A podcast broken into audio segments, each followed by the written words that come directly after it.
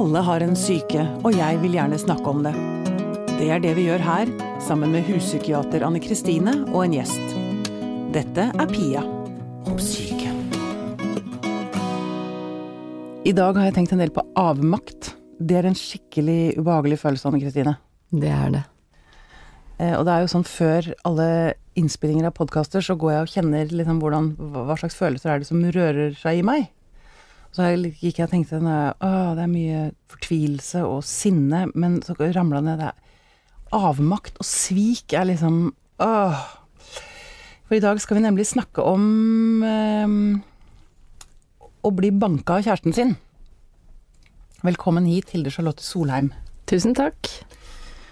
Du var i et forhold hvor din samboer, kjæreste, slo deg. Ja, jeg var det. Ja. Før vi går liksom i dypet av det, så bare for å få liksom de praktiske Få rammeverket på plass, faktaboksen. Hvor gammel var du da du traff han? Da var jeg i midten av 20-åra, eller ja, ti Jeg var ikke fullt 25, så jeg var fortsatt ganske ung. Ja. Og jeg var ganske klar for å etablere meg. Jeg var litt sånn veslevoksen, hadde det travelt eh, inn i voksenlivet. Ja, nettopp. Og så bodde du sammen med han i hvor mange år? Vi bodde vel sammen mer eller mindre i tre-fire år, kanskje. Ja. Det er en periode av livet mitt som jeg har lagt veldig bak meg. Ja, ja for det, det, begynner å bli noen år siden nå. Ja, det var, eh, det var da jeg var eh, i ung etableringsfase. Ja. Hadde hatt kjærester, men ikke noe sånn veldig ordentlig. Mm. Og jeg var egentlig travel med å vokse opp. Ja, nettopp. Um, husker du første gangen han slo deg? Ja, det var et uh, sinneutbrudd, raserianfall. Jeg tror jeg blander to episoder, for det var i en leilighet som vi bodde i. Mm. Men uh, han var ikke full, men han ble sint. For et eller annet? Han ble sint for noe jeg hadde gjort. Jeg tror det var uh, rett og slett og, og, det var jo noe som var dumt. Det var, jeg tror det var en liten sånn juledekorasjon som hadde holdt på å begynne å brenne, og jeg hadde vært i rommet og stoppa det. Mm. Og han ble sint og slo meg. Det er jo en detalj. Det er en detalj, og Ja, altså, det kan aldri legitimere det, men det var et raseri eller sinneutbrudd. Og så blander jeg litt, jeg husker ikke hvilken av disse episodene som var den første. Eh, det andre må ha vært på sommeren, for da reiste vi på ferie med venner etterpå. Og jeg reiste på ferie med venner med blått merke på kjeven. Fordi han hadde slått meg i ansiktet. Men, og det, da snakker vi knyttneve, liksom? Vi snakker Nei, altså, jeg var ikke sammen med en sadist som sto over meg og slo og slo og slo og slo. Jeg var Nei. sammen med en person som mista fatningen med meg ja. ved en del anledninger, men som også over tid begynte å oppføre seg mer og mer kontrollerende, og var sjalu, og altså mer og mer asosial eller antisosial Ja. i sine krav til meg og sitt ønske om å kontrollere meg. ja. Eh, hvis vi var ute hver for oss, eh, så kunne han eksempel når han kom hjem, da kunne han ha drukket, da, riste meg våken for å sjekke om jeg hadde snakket med noen menn og gutter, altså at han viste sjalusi. Mm. Eh, men jeg var ikke en sånn som ble slått og slått og slått og slått og slått Nei. til jeg kom på sykehuset. Men eh, jeg opplevde gjennom de årene fra dette her eh, tok av, å bli slått og ha merker flere ganger. Og legge det bak meg ved flere anledninger, Ja. og fortsette forholdet. Ja. Men husker du altså første gangen Eller altså, du har blanda sammen altså, Det skjønner jeg jo godt. Altså, traumatiske ting har man det gjerne kanskje med å ja, blande sammen. Det blir bare sterke følelser. Men husker du hva du følte? Kan du, kan du Jeg var veldig lei meg, og det var nok han også. For han var nok da en sånn som ba om unnskyldning, og vi ønsket å legge det bak oss. Eh, og eh, en av grunnene til at jeg har fortalt denne historien, er jo at jeg er en helt vanlig norsk eh, jente fra et veldig fra et veldig, veldig trygg og god bakgrunn. Jeg har ikke noen voldserfaringer. Jeg kan ikke se noen ting ved meg og min bakgrunn som skulle tilsi at jeg skulle velge en voldelig mann, eksempel.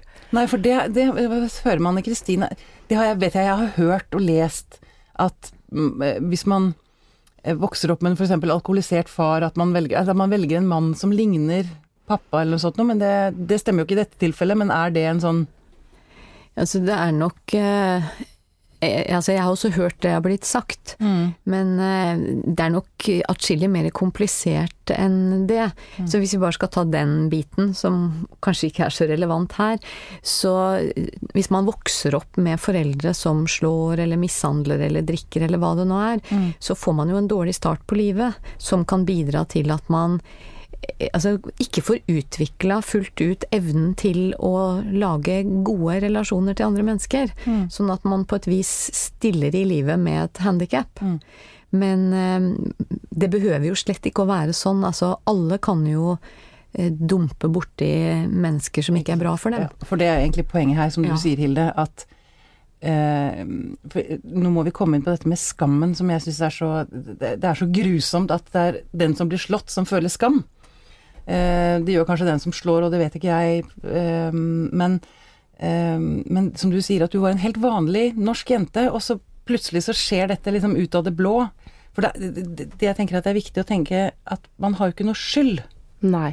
Og, altså, hvis, jeg var, hvis, jeg, hvis jeg var uvanlig, så var det kanskje fordi at jeg på noen måte framsto som nesten uvanlig ressurssterk. Ja. Jeg hadde vært leder av Norges gymnasiastsamband, jeg var, hadde blitt valgt inn i kommunestyret, altså jeg hadde vært politisk aktiv og profilert. Mm. Uh, vært sett på som et talent i ungdomspolitikken. Så det var ekstra skamfullt for meg kanskje at jeg tilsynelatende skulle være så sterk og oppegående. Jeg kom fra en feministisk bakgrunn. Mm. Mine foreldre gikk i 8. mars-tog med meg i barnevogna. ja. Eh, og det ble en ekstrem kontrast til da å ikke få til livet sitt. Og hvis jeg bare fortrengte de relativt få episodene som var i starten, eh, altså hvis det ikke var helt sant, altså, Mm. så, så var jo ting tilsynelatende veldig bra. Jeg hadde kanskje tatt et litt langt sprang, valgt en litt annen mann enn den bakgrunnen jeg kom fra. Jeg var, som jeg sa innledningsvis, litt sånn veslevoksen, klar for å sette i gang voksenlivet. Det ble bil og leilighet og ferier. Fine ferier og, og mm. og på en måte eh, Hvis akkurat dette med disse episodene ikke var riktig, så var jo livet mitt på skinner. Sånn at den fristelsen med å fortrenge det og tenke at det kanskje ikke var sant, og, at, og håpe at det ikke skulle gjenta seg, den eh, Og samtidig den eh, altså, ja, altså, det er flaut. Det er flaut og at Én ting er at kjæresten din slår deg, det er skamfullt og flaut, men det at du ikke gjør noe med det, Ja. det blir på en måte dobbelt ille. Ja, for det så jeg en fantastisk kommentar fra Pia Skevik, Skjevik, Skevik gikk jo ut etter deg, eh, hun som er programleder i P1, og hun sa det så fint, eh, man skammer seg ikke over at man blir slått, man skammer seg fordi man blir. Ja. Og i etterkant av at jeg snakket om dette første gangen, så var det veldig, veldig mange som tok kontakt med meg og lurte på hva de skulle gjøre. Enten fordi de selv lever i et sånt forhold, levde i et sånt forhold, eller fordi de kjente noen. Og det blir, det blir mye mer sant og riktig første gang du sier det høyt. Så det å akseptere det for seg sjøl og begynne å snakke med et annet menneske, det er jo mitt fremste råd, og jeg Mm. gjorde aldri det. Jeg har jo også Eh, I tillegg til at jeg har en eh, trygg og god oppvekst, så har jeg en familie som ville vært der for meg, og jeg har mange venner som ville vært der for meg. Så mitt sosiale nettverk fikk jo ikke noen mulighet til å virke. Altså jeg slapp det jo ikke til. Nei, for, fordi du lukket det inne. Fordi at for grunn jeg, at jeg holdt dette bak fasaden og på en måte var blitt såpass fanget av de valgene jeg hadde tatt. Da. Ja. Du, eh, Anne Kristine, ville Ja, vet du, jeg ville eh, kommentere litt, fordi at jeg syns det er Det er så betegnende det at når du skulle fortelle nå eh, litt om hva du følte, så det første du sa var at det var ingenting i min oppvekst som skulle tilsi at jeg skulle velge en mann som slår. Og bare det betyr jo det at du tar den runden. Du sjekker om du sjøl har skyld, før du kan gå videre. Ikke sant? Så jeg tenker at det, altså det er så interessant, fordi at det burde jo ikke være sånn. Altså når man blir slått, så er det den som slår, som har skylda. Åpenbart. Men dette er Men, også dette er ja. altså noe jeg drar med meg fra det som heter eh, Rød knapp-kampanjen. Ja. Hvor jeg ble enig med, med hun som da var leder i Sanitetskvinnene, og, og som dro i gang den kampanjen mot vold mot kvinner. Så var vi enige om at kanskje var det greit at en tilsynelatende vellykka jente fortalte om en sånn erfaring. Fordi at skammen knytta til vold, den går jo på at man veldig lett ser på offeret. Ja. Ikke sant? Man gransker jo hva har jenter hatt på seg hvis de har blitt utsatt for en over Ja, ja, ja. overfallsvoldtekt. Mm. Og så er det sånn hva, hva har jeg gjort da, som er så dum at jeg ikke bare finner en fyr som slår meg, men som også blir? Så begynner man jo på en måte å, å pirke og granske, og jeg har jo tenkt gjennom disse hendelsene. Men til slutt, så, til slutt, da dette kom på spissen og jeg skjønte at jeg måtte gjøre noe, da hadde han eh, blitt sint i fylla fordi en hund som han hadde insistert på at skulle være løs alene hjemme, hadde dratt en potte med jord over hele huset. Da gikk jeg på en måte imellom og forsvarte en hundevalp. Og da er liksom Det er, det er så åpenbart at når du brekker nesa fordi du må gå gjennom og forsvare hundevalpen din mot en sint mann sånn, Å se deg sjøl i speilet da og prøve å bortforklare det, det går ikke an. Nei. Da Men det, det, var, det, var da det, det var da du tenkte at nå Det var da jeg skjønte at jeg måtte gjøre noe, for da Ja. tok jeg Det var før eh, vi hadde digitale kameraer. Mm. Men jeg tok et bilde av meg sjøl med speilreflekskameraet mitt, som jeg hadde kjøpt meg da jeg gikk på Journalisthøgskolen, og da jeg fikk tilbake de bildene, så bildet av meg sjøl med blåveis under begge øynene, så skjønte jeg at dette er jo ikke meg, tenkte jeg. Dette, dette kan jo ikke være meg. Mm. Og jeg, nå er det fotballkamp, og folk er ute og feirer. Eh, da Norge slo Brasil Ja, det husker jeg. Ja, Mm. det husker jeg òg. Mm. For da, da sto jeg på en veranda i et stort, fint hus og kikka ut, og skulle så gjerne vært ute og feire og hatt det gøy med alle andre. Og tenkte at dette her kan ikke være livet, dette kan ikke være alt. Men da kunne du ikke gå ut fordi Nei, fordi at han var, han var kjip og treig og mer og mer asosial, så sa jeg at jeg kan jo ikke velge et menneske som hindrer meg i å være ute og nyte det, det beste av mine 20 år. mm. Det går jo ikke an. Mm. Eh, Så da, da møtte jeg meg sjøl i døra. Skal jeg være en sånn trist dame bak en fin fasade som sminker blåmerkene mine? Vi Mm. diskuterte om jeg skulle gå på jobb, for jeg så jo ikke ut. Og da skjønte jeg det jo. Mm. Du da diskuterte det med han? Ja. Så dere på en merkelig måte Nei, men han var jo altså, veldig lei seg over dette, han også. Altså, det er mange som ikke er stolt av at de slår. Mm. Det å miste besinnelsen, det å miste fatningen. Ja. Men øh, jeg har jo lært mye mer om dette. Jeg har sittet i styret i Reform ressurssenter for menn i mange år, og de er jo en av de som driver med, med sinnemestringskurs. Og de Ja. som erkjenner problemet sitt og søker behandling, kan det være håp for. Men jeg hadde på en måte bare akkurat nok krefter og ressurser til å redde meg sjøl. Mm. Så var det også selvfølgelig for meg Jeg trengte å være sammen med et menneske som heller ikke var psykisk kontrollerende. Så det var jo flere faresignaler i, Ja. i dette samlivet. ja. Så jeg begynte å skjønne at jeg, jeg skal leve et friere, gladere liv. Jeg skal ha det morsommere og slappe mer av sammen med det mennesket jeg lever sammen med. ja. For altså psykisk vold eller psykisk uh, manipulering er jo like, like alvorlig. Like alvorlig, ja. Ja. Og kanskje litt, enda litt verre å komme seg ut av? Ja, eller, eller det er ikke så jo- synlig. Man, man, for dette med, med, med psykisk vold, manipulasjon, det skjer jo også litt sånn gradvis at man nesten kanskje ikke skjønner hva som skjer. Anne Kristine? Ja, Ja, og, og det som, er, som vi ser mange ganger, det er jo det at man begynner nesten å tro på det.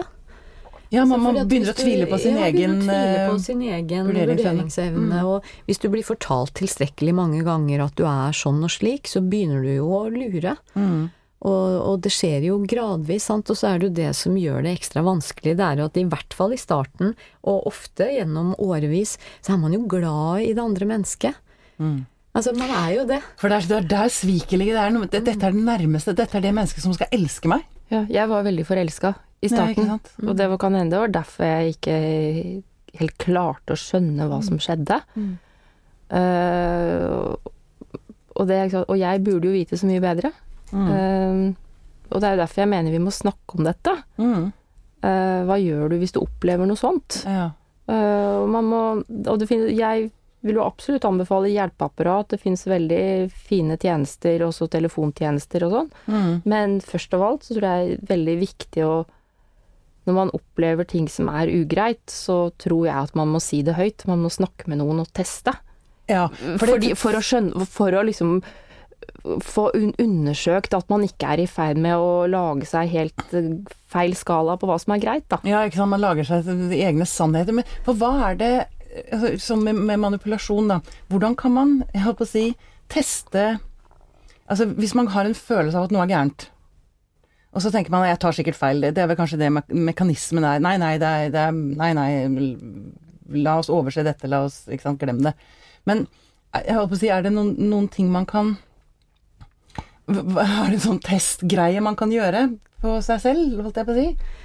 Jeg, jeg, jeg tror jo det som Hilde sier, at det å snakke med noen andre Mm. Fordi at det som skjer med oss mennesker, hvis vi er i en situasjon hvor, hvor det skjer ting som er ja, som, som du beskriver, ikke sant, at dette er jo ikke meg, så har man to muligheter. Det ene er jo å si at dette er ikke meg, og så går man, og så er det veldig vanskelig mange ganger. Og hva gjør man da for å kunne fortsette å leve med seg selv? Jo, man tilpasser seg.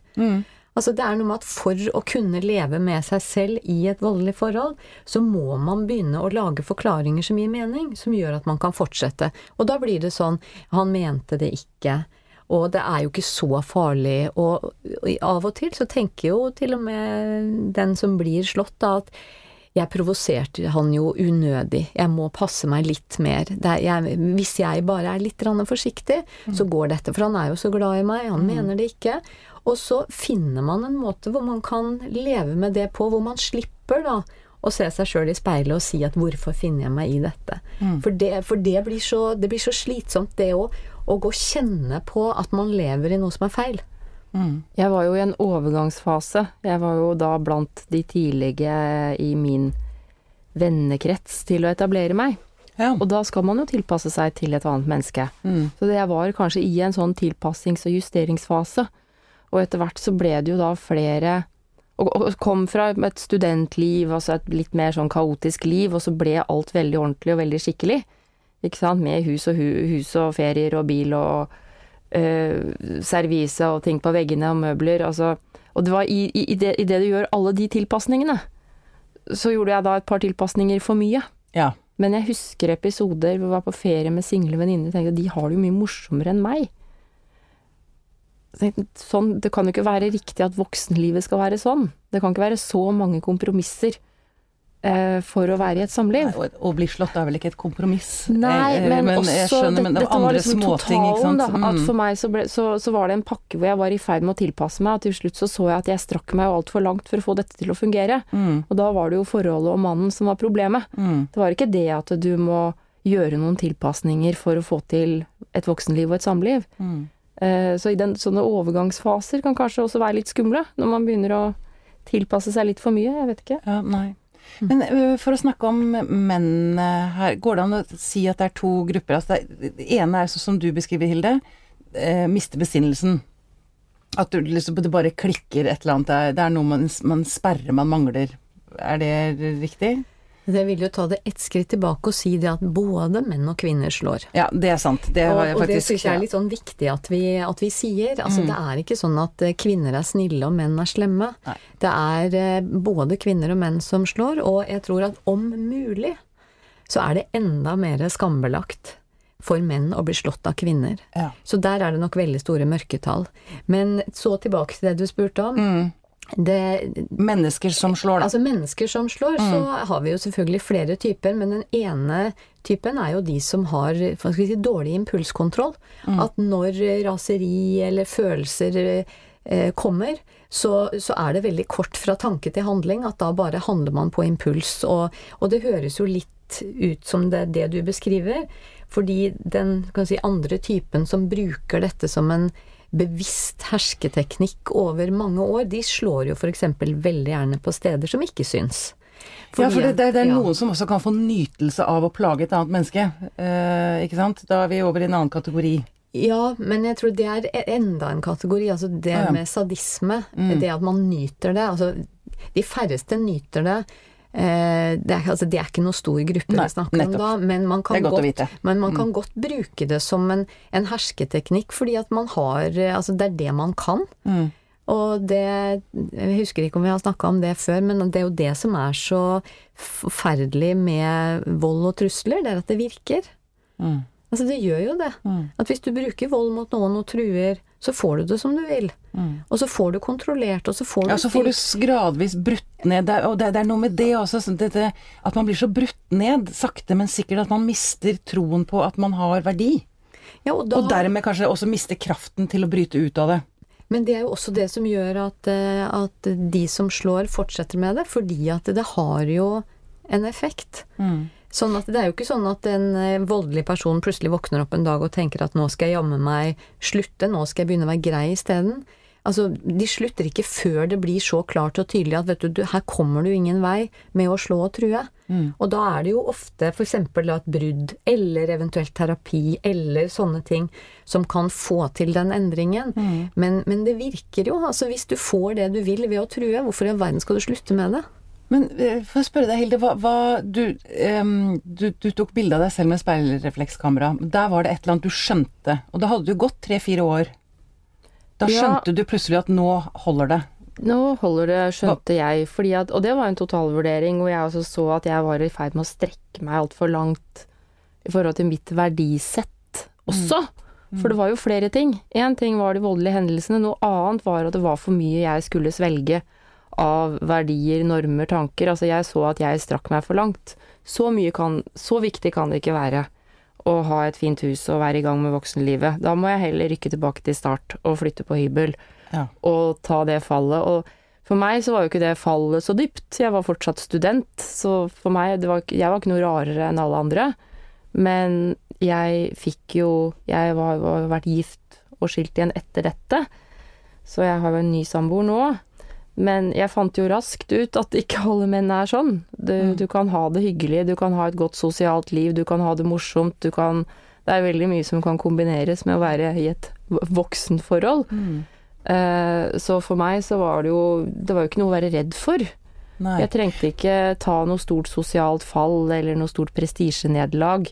For det er det vel andre som kan ta, kanskje, hvis man er plutselig veldig etablert med vennekrets og med jobb og med altså, Barn, eksempel. Barn. Barn, og det er klart at det blir mye mer komplisert. Og det var jo en av grunnene til at jeg kunne fortelle min historie. Det er at jeg har ikke noe felles med dette mennesket lenger. Det var før Facebook, så det er ikke så lett å snoke på hvem det var og sånn. Eh, men altså, det er vanlig med skilsmisse. Mm. Voksne mennesker bor frivillig i relativt små leiligheter eller leid for å ha fleksibilitet. Mm. Så hvis man ser på den derre status og fasade, så er det, er det har jo ingen verdi. Nei, Hvis du- ikke, hvis du ikke, målt hvis du ikke har det bra. Ikke sant. Eh, Hvis du går med konstant jeg vondt har i kroppen også og- bytta jobber og andre ting flere ganger og sett at livet kan bestå av flere karrierer, av flere bosteder. Sånn at det å la ytre ting og sånn ytre status og fasade bestemme Låse om du skal bryte ut av en- et, en relasjon som ikke er bra for deg, det, Mm. det er bare å gutse på. Ja. Det gjør, det, det gjør ingenting. Det, du blir ikke noe dårligere av det. Det er bare å På holde en ny fase. en ny fase. Det Mm. er ikke verdens undergang å starte på nytt. Og så er det en ny det fase du hvor du faktisk kan føle deg trygg Ja, og ha det godt med deg selv. ja så det å være så, så redd for å miste noe av disse her ytre rammene, det, det jeg sier, det er, det er det, Man skal i hvert fall ikke la seg fange av det. Nei. Men du, da du, da du eh, fortalte dette til dine omgivelser, hvordan ble du mottatt? Det tok jo lang tid før jeg fortalte det. Jeg syntes det her var veldig vanskelig. Jeg turte liksom ikke helt Men du brøt ut uten å fortelle det til noen? brøt ut, jeg fortalte ikke noen hvorfor jeg gikk, men det er klart at jeg hadde nok venner og familie som hadde sett at dette forholdet hadde forandra meg, og at det der kanskje ikke var noen bra mann for meg, og at vi hadde ulike verdier, at jeg kom fra en annen bakgrunn og egentlig strakk meg for langt. Mm. Så jeg tror nok eh, folk rundt meg forsto at det var et, et riktig valg av meg å ta. Mm. Men det at han hadde slått meg og vært manipulerende overfor meg, det tok det lang tid det før jeg fortalte noen. Mm. Og da hadde jeg egentlig lagt det veldig bak meg. Og premien, gevinsten, for meg var så stor. Jeg fikk det så umiddelbart så mye bedre. Mm. Eh, sånn at jeg lever jo ikke med traumer i dag. Jeg er jo ikke noe voldsoffer i dag. Jeg er eh, litt på vakt eh, hvis jeg kjenner, fornemmer manipulerende oppførsel. Ja, du, for det har du lært deg til. Det, Der- der, har du er jeg litt god radar. Mm. Ja, så jeg har en sånn liten radar på, på det. Mm. Og da stiller jeg meg på tvers.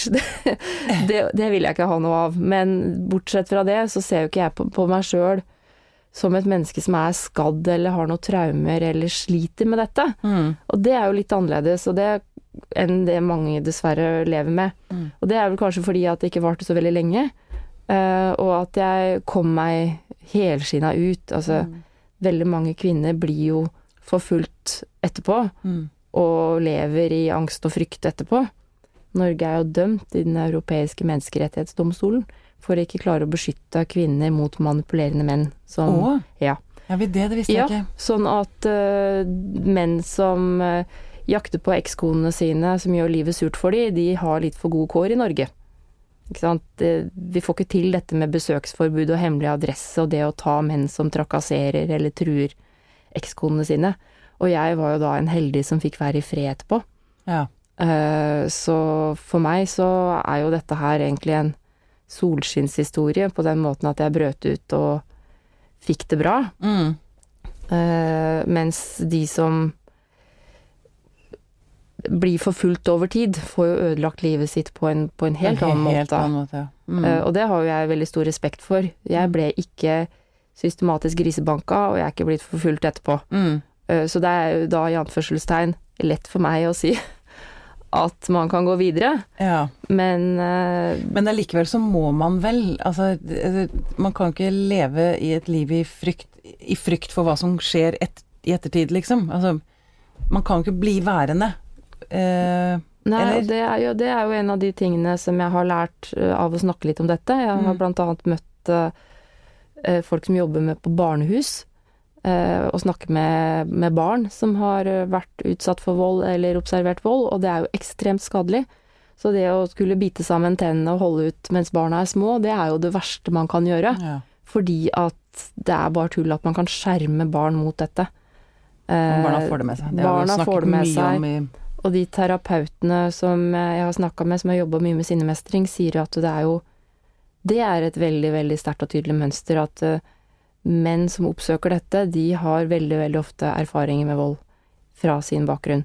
Sånn at dette det, det er det som er arvesynden. Ikke sant? Du ikke sant, utsetter barna dine for noe som de vil måtte dra med seg videre. mm. Så det er jo alltid riktig å bryte ut. Ja. Og så har heldigvis politiet og en del andre myndigheter gjort en del etter at jeg brøt ut av dette. Mm.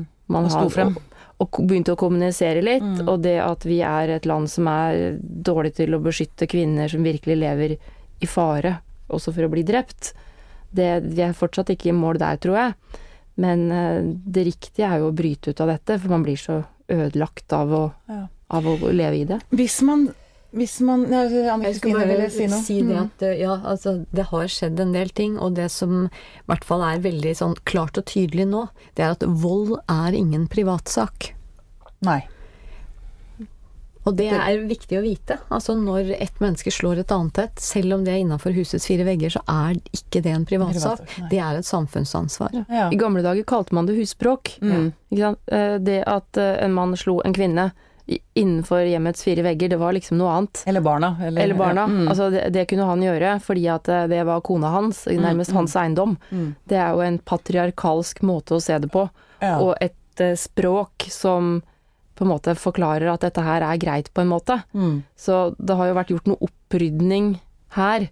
I gamle dager kunne du også høre på politiradioen eh, som journalist at politiet omtalte en utrykning til et sted som at ja, her vet vi jo hva som skjer. ja. Altså, de regnet ikke med å gripe inn eller Ja ja, får, de får bare holde på Ja. ekteskapet sitt. Sånn at det er veldig Men- viktig at det er skjedd noe med holdningene til dette som en privatsak. At det er akkurat like alvorlig med et slag hjemme Ja. som et hvilket som helst annet sted. Men er det noe av det vi har dratt med oss videre i og med at vi er så dårlige på å beskytte kvinner? Det nå stiller jeg selvfølgelig et helt håpløst vanskelig spørsmål, men eh, at, at det henger igjen, er det noe sånn Tabu og fortrengning, og, og dette er jo normer som henger igjen, ikke sant. mm. Et, det uttrykket husbråk Mm. er jo en måte å skrive om vold. Det er jo et ord som avkriminaliserer det og gjør det til en privatsak. Ja. Og noe vi ikke trenger å bry oss om, for det er Ja ja. De, ja. Og det er jo Jeg snakker jo ikke om det at jeg ble slått for eh, mange år siden fordi at jeg syns det er kjempegøy, eller fordi jeg trenger oppmerksomheten. Jeg snakker jo om det fordi at da tar man styring på, på det her, og jeg, jeg kan gjøre det fordi at jeg overlevde og kan vitne om at dette det er bryet verdt å ta det oppgjøret. ja. Så det, det er jo det å snu de holdningene om at dette her er greit nok. Mm. Og vi snakker jo nå om dette her i, i religiøse miljøer og innvandrermiljøer, hvor veien er liksom til et annet kvinnesyn kanskje er litt kortere. Ja. At nei, barna og kona er ikke mannens eiendom, og han kan ikke gjøre med de som han vil. Det er brudd på norsk lov og menneskerettigheter. Ja, ikke sant. Hvis man enten nå som lytter sitter og er i situasjonen, øh, at man lever i et sånt type forhold, eller at man står på sidelinjen, at man er i familie eller venn med noen som man ser Man er ganske sikker på at det, skjer noe. Hva, hva gjør man? altså, De som har tatt kontakt med meg eh, og vært i denne situasjonen, og det man, Det skal finnes et hjelpeapparat å ta kontakt med. mm, Men jeg har også spurt de Har du en eh, mor, søster, venninne Altså har du noen du kan snakke med? Eller Hvis du har sagt det høyt en gang, eller kompis mm. Hvis du har sagt det høyt en gang, eh, da er det ute der. Da er det veldig mye Det lettere er det som er det viktigste, Å å si det høyt en gang. si det høyt en gang, det komme over den terskelen. Ja. Og så er det mange som har kontakta meg som har hatt en eller annen mistanke. Og jeg oppsøkte jo ikke hjelp, og jeg vet ikke egentlig om det var noe som hinta til meg om, om det forholdet mitt var bra, men da sier jeg at si det likevel. Hvis du har en ordentlig mistanke, si det, vet du hva. Jeg, jeg, Til vedkommende. ja, Mm. og så hvis det er uønsket, så si den dagen du vil snakke, så er jeg her. Vis at du er der, vis interesse. Er du sikker på Altså, Ja. det å bare gå der og glatte over og, og, og mistenke noe sånt døra, liksom. uten, å, uten å prøve mm. eh, Det er ikke alltid det er velkomment, men jeg syns likevel man skal strekke ut en hånd Mm. og prøve å inspirere til å Ja. det. Og tar Mm. man feil, så er ikke det verdens undergang. Nei. Da kan man kanskje få en samtale om noe annet, da. Mm. Hvis man mistenker at det er noe som er gærent. Mm. Men så er det tilbake til det som vi sa i stad, altså vold er en kriminell handling. Sånn at eh, vi har alle en eh, Altså både har vi eh, altså juridisk eh, mulighet til å anmelde.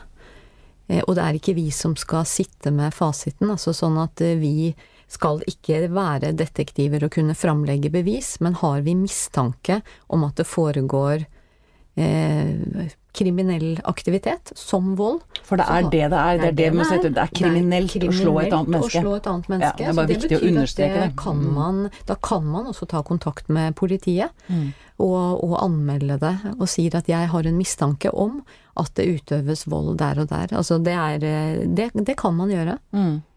Har vi, eh, aner vi noe om tallene? Hvis vi bare tar kvinner, da vi snakket om mørketall om menn som blir slått, men kvinner, hva er eh, Hva snakker vi om? Har vi Nei. Jeg har ikke noe Det er mørketall. Jeg, jeg har ikke Det fins en del undersøkelser, og Rød knapp-kampanjen, hvor- som veldig, er veldig bred. Det er alt fra Kirken og Muslimsk råd Ja. til Virke og Reformressurssenter for menn, Sanitetskvinnene som, som dro det i gang, har lagt fra noen tall. Eh, men det som er i hvert fall tydelig, er at det er mange nok til at vi alle kjenner noen. Du mener det? Det er Å, ja. såpass? Ja da, Mener det er det? mye mer enn én av ti. Sånn at eh, nesten alle kjenner trolig noen som har en voldserfaring, eller som lever med en eller annen type vold. Hvis du tar arbeidsmiljø, skole, den utvida kretsen, så Mm. er dette et stort, stort samfunnsproblem og et stort, stort helseproblem. Og det er jo derfor vi må snakke om det. Ja. Og fordi at det fins såpass mange mørketall. Mm. Fordi veldig mye av vold i nære relasjoner ikke blir anmeldt, eh, og ikke blir fulgt opp. Mm. Eh, Så er det å få satt et så tydelig en så tydelig merkelapp på hva det er, sånn at vi slutter å glatte over og feie under teppet og oppleve dette som en privatsak. Som jo jeg gjorde. Jeg anmeldte jo aldri. Nei. Jeg brukte det jeg hadde av ressurser til å komme meg vekk Mm.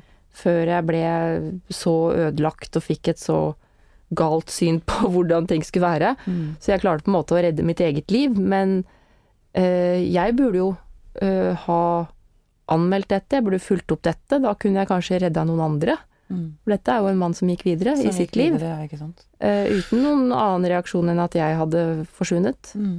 Du, til slutt så har jeg lyst til å spørre deg, Hilde. eh, Når du ser tilbake, den gangen du traff ham helt i begynnelsen, var det noen varsellamper? Er det noe du kan se at du liksom tenkte at ok, dette her er ikke helt bra, men jeg lar det være, for jeg er så forelsket? Før det liksom skjedde noe voldelig? Eller er det vanskelig å Jeg vil nok si at jeg allerede fra starten strakk meg litt for langt når det gjaldt mine verdier og mitt samfunnssyn. At jeg var litt lei meg sjøl og bakgrunnen min og denne her kaotiske 68-familien, og jeg ville ha litt mer orden og struktur på ting. Jeg, altså den pendelen gikk for langt. mm. Så For det var jeg signaler, det var ting han gjorde eller sa som Ja, jeg beveget meg litt for langt fra den jeg egentlig var, det verdisettet jeg hadde, min, mine sosiale uh, verdier. mm. Eh, sånn at da Jeg var liksom litt på bortebane hele veien. Eh, og det hender du får et lite overslag, da. Mm. Min da neste kjæreste var jo kliss lik faren min, liksom. Ja. Sånn da slo du helt tilbake igjen. Eh, ja, Mm. så for meg så var det kanskje noe med at uh, å være tro mot seg sjøl og verdiene sine, Mm. så hadde jeg hatt sunnere reaksjoner hele veien. Ja. Jeg gjorde et slags forsøk på kanskje reinvent myself. Altså, jeg, Ja, jeg strakk meg litt for langt på mange områder. Mm. Så jeg mista Altså, jeg hadde mista gangsynet uh, på vei inn i det, da. Ja. Eh, jeg kom fra en litt sånn kaotisk 68-familie som var veldig litt sånn rar og odd i villastrøket. Jeg satt i baksetet og var bekymret over at vi ikke hadde bestilt feriebilletter, og- fergebilletter og overnatting. Ja, Og så skulle jeg liksom eh, prøve å kanskje få litt orden på ting, og da strakk jeg meg altfor langt, da. Mm. I retning fasade og struktur og ordentlighet, og det ble litt for konservativt. Mm.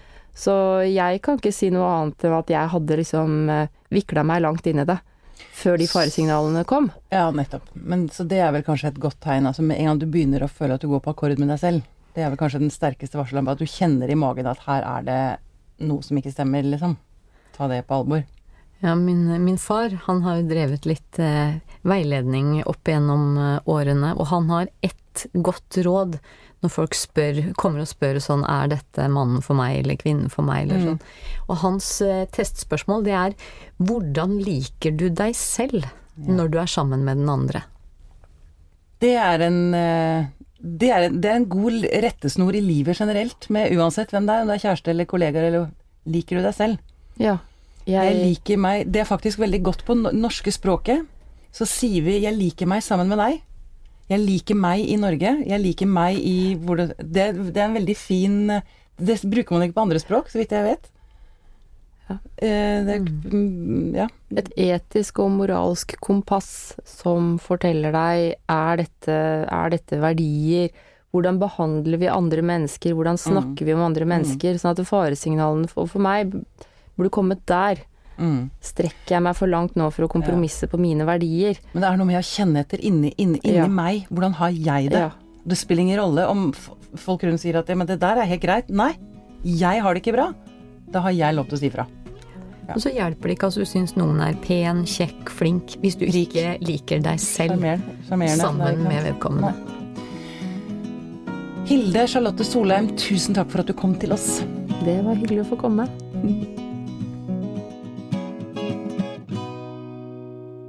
Denne Podkasten er produsert av Tid og Lyst.